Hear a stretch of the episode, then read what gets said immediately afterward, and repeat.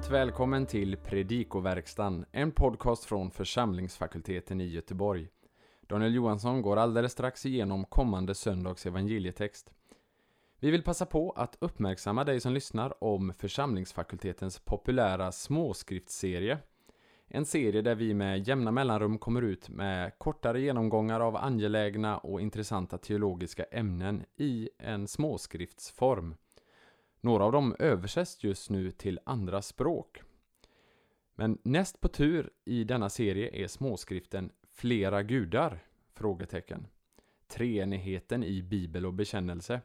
Och den publiceras inom kort. Håll gärna koll på vår hemsida www.ffg.se där du kan hitta information också om hur du beställer FFGs småskrifter.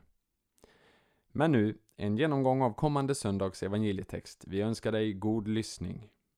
Andra årgångens evangelium för andra söndagen i påsktiden hämtar vi i Johannes evangeliet 21 kapitel, verserna 15 till och med 19. Avsnittet är hämtat från Johannes evangeliets epilog som utgörs av hela kapitel 21.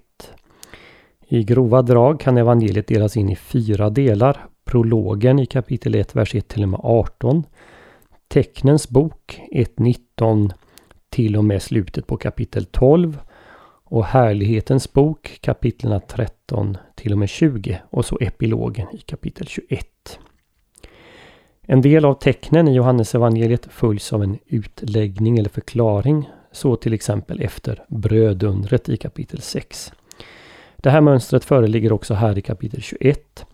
Sju av lärjungarna, varav en är Petrus, ger sig ut för att fiska. De får inget på hela natten, men när de på Jesu befallning kastar ut näten på nytt på morgonen får de en stor fångst.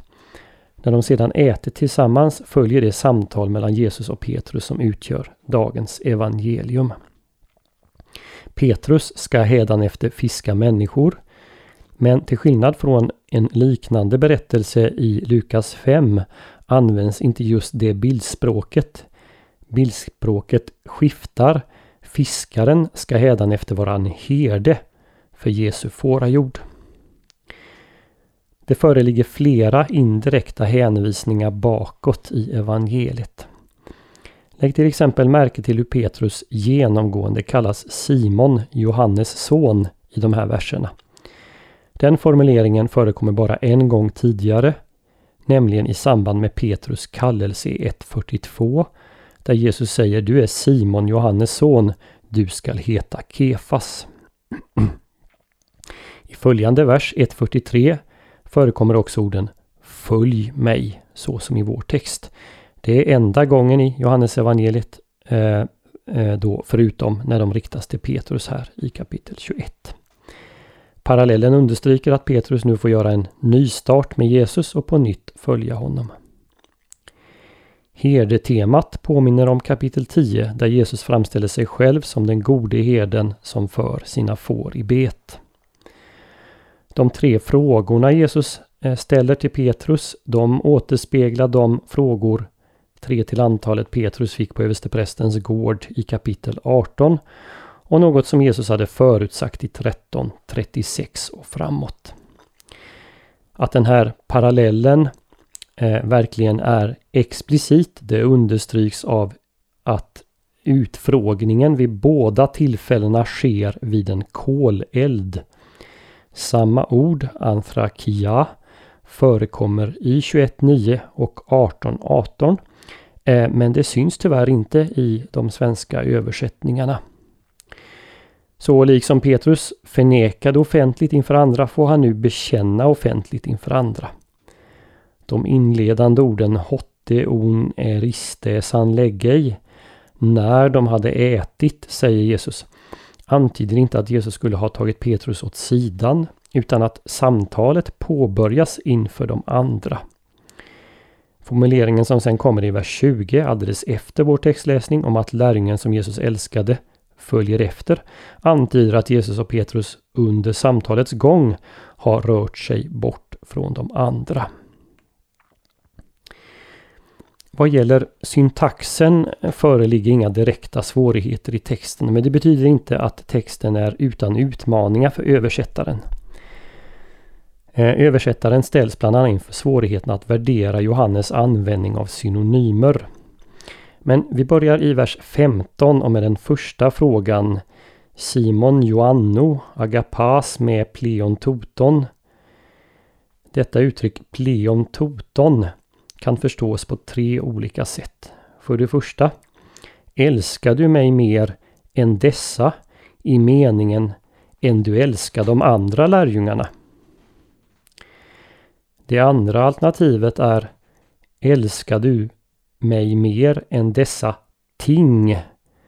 Toton kan tas som både maskulinum och syfta på personer och eh, i neutrum och syfta på saker. Vad som då skulle avses med saker tog det vara Petrus fiskeredskap och hans fiskebusiness. Den tredje betydelsen eller möjligheten är Älskar du mig mer än dessa i meningen än dessa gör, de andra lärjungarna. De allra flesta översättningar översätter enligt det sistnämnda alternativet. Petrus hade ju i 1337 sagt eh, att han var beredd att ge sitt liv för Jesus. Eh, om så ingen annan gjorde det. Och han och ingen annan hade dragit svärd i ett semane. Men sen hade han också fallit djupare än någon annan. Det första alternativet det brukar uteslutas. Det här att han eh, skulle älska eh, Jesus mer än de andra lärjungarna. Eftersom ett sådant tema inte dyker upp någonstans i boken. En del kommentarer föredrar dock alternativ 2 att Petrus ställs inför valet att välja Jesus och hans uppdrag eller att fortsätta sin jordiska affärsrörelse. Alternativ 3 förutsätter att dialogen påbörjas medan de andra lärjungarna finns där runt omkring. Sen kommer vi till frågan om Johannes användning av ord och dess valörer. När Jesus frågar Petrus om han älskar honom använder Jesus verbet agapao på grekiska. Men när Petrus svarar använder han verbet fileo. Eh, och båda de här orden agapao och fileo betyder att älska. De svenska översättningarna har fått fram denna skillnad genom att översätta agapao med älska och fileo med att ha kär. Samma mönster föreligger också vid den andra frågan men vid det tredje tillfället använder även Jesus filio. Och sedan så står det att Petrus blev bedrövad över att Jesus för tredje gången eh, frågade honom. Och då används återigen filio och Petrus svarar också med att han filio Jesus. Så frågan är, vad ska man nu göra med detta mönster? en del menar att det här föreligger en grundläggande skillnad mellan de båda ver verbens valörer och att valet av ord här kommunicerar en djupare mening.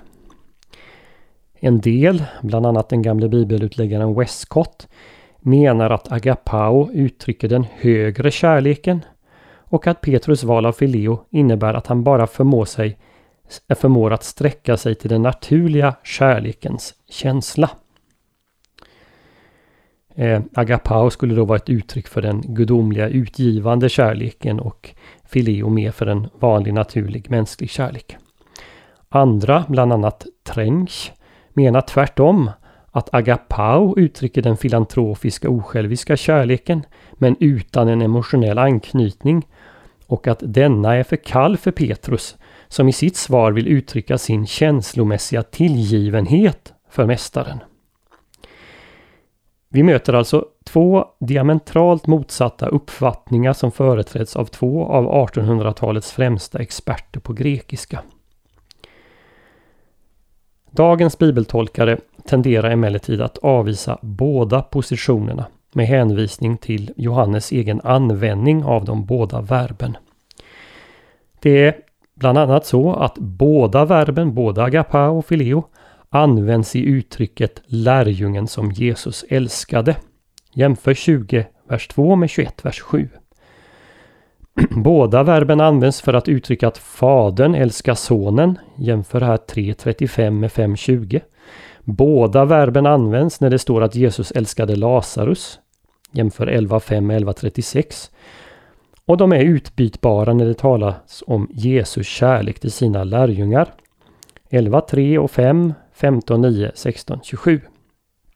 Och jag har, har också eh, listat de här eh, olika ställena i pdfen till den här podden på FFGs hemsida.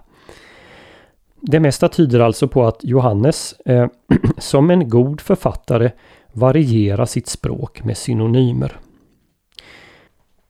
Det understryks av tre andra ordpar i de aktuella versken, verserna. Bosko och poimaino, att föda och ta hand om får. Arnion och probaton, lamm och får. Oida och ginosko, som båda betyder att veta, att känna. Och ett sånt här mönster är inte begränsat till det här avsnittet. Se till exempel på kapitel 16, verserna 5 till 10. Där används inte mindre än tre olika verb för att uttrycka Jesu bortgång och tre olika ord för sorg i 16, 20 till 22. Och å andra sidan i kontrast till det här kan Johannes använda ett och samma ord med tre olika mening som till exempel hur han använder kosmos i kapitel 1, vers 10. Det viktiga i vårt avsnitt är nog inte den eventuella, de eventuella nyanserna i verbet älska utan hur den kärlek uttrycks, nämligen genom lydnad. Eh, jämför här 14.15 och 14.21. Petrus kallas att ta hand om Jesu flock på samma sätt som han själv, alltså mer än den herde som är lejd, 10, 12-13, genom självuppoffring och möjlig död. Modellen för denna herdevård är beskriven i Johannes 10 men går ytterst sett tillbaka på Gamla Testamentets beskrivning av Gud som sitt folks herde i Salta salmen 23 och i Hesekiel 34. Notera mönstret. Jesus frågar om Petrus älskar honom mer än de andra, alternativt mer än hans fiskeindustri. Petrus hänvisar tillbaka till vad Jesus själv vet och säger inget mer än att han älskar Jesus. Andra gången frågar Jesus bara om Petrus älskar honom och Petrus svarar ja, han älskar honom. Jesus frågar honom för tredje gången om han har honom kär. Petrus svarar återigen att Jesus vet allt och han vet att han har honom kär. Den andra delen av den här eh, korta textläsningen handlar ju om Jesu profetia om Petrus död. Kommentarerna är lite delade om huruvida att sträcka ut sina händer är en allmän hänvisning till att händerna blir bundna i samband med ett gripande eller det mer specifikt syftar på att händerna blir bundna till eh, patibolumet, alltså tvärbjälken på korset. I vilket fall kan vi konstatera att Clemens av Rom cirka år 96 i sitt brev till korintierna eh, nämner att Petrus lidit martyrdöden i Rom. Han nämner dock inte hur. Eh, Däremot skriver Tertullianus omkring år 212 att någon annan spände bältet omkring honom i samband med hans korsdöd. Och ännu senare källor, bland annat i de så kallade Petrusakterna, så sägs det att Petrus begärde att få bli korsfäst upp och ner. Till sist, notera att evangeliet för nästa söndag, tredje påsktiden, är Johannes 10, 11 16 så att man inte avverkar den texten om herden i förtid. Eller se det som en möjlighet att skapa en cliffhanger inför kommande söndags predikan. Så hoppas vi att denna genomgång får bli till hjälp och välsignelse för dig som har lyssnat. På vår hemsida www.ffg.se kan du hitta information om hur du kan stödja fakultetens arbete, bland annat som genom den här podcasten. Ett sätt att stödja är att skänka en gåva genom Swish. Församlingsfakultetens Swish-nummer är 123 100 8457. Alltså 123 100 8457. Mottagaren som anges är Peter Isak Bens utbildningsstiftelse. Märk gärna gåvan FFG Podcast om du vill stötta just denna podden så önskar vi dig allt gott och Guds välsignelse.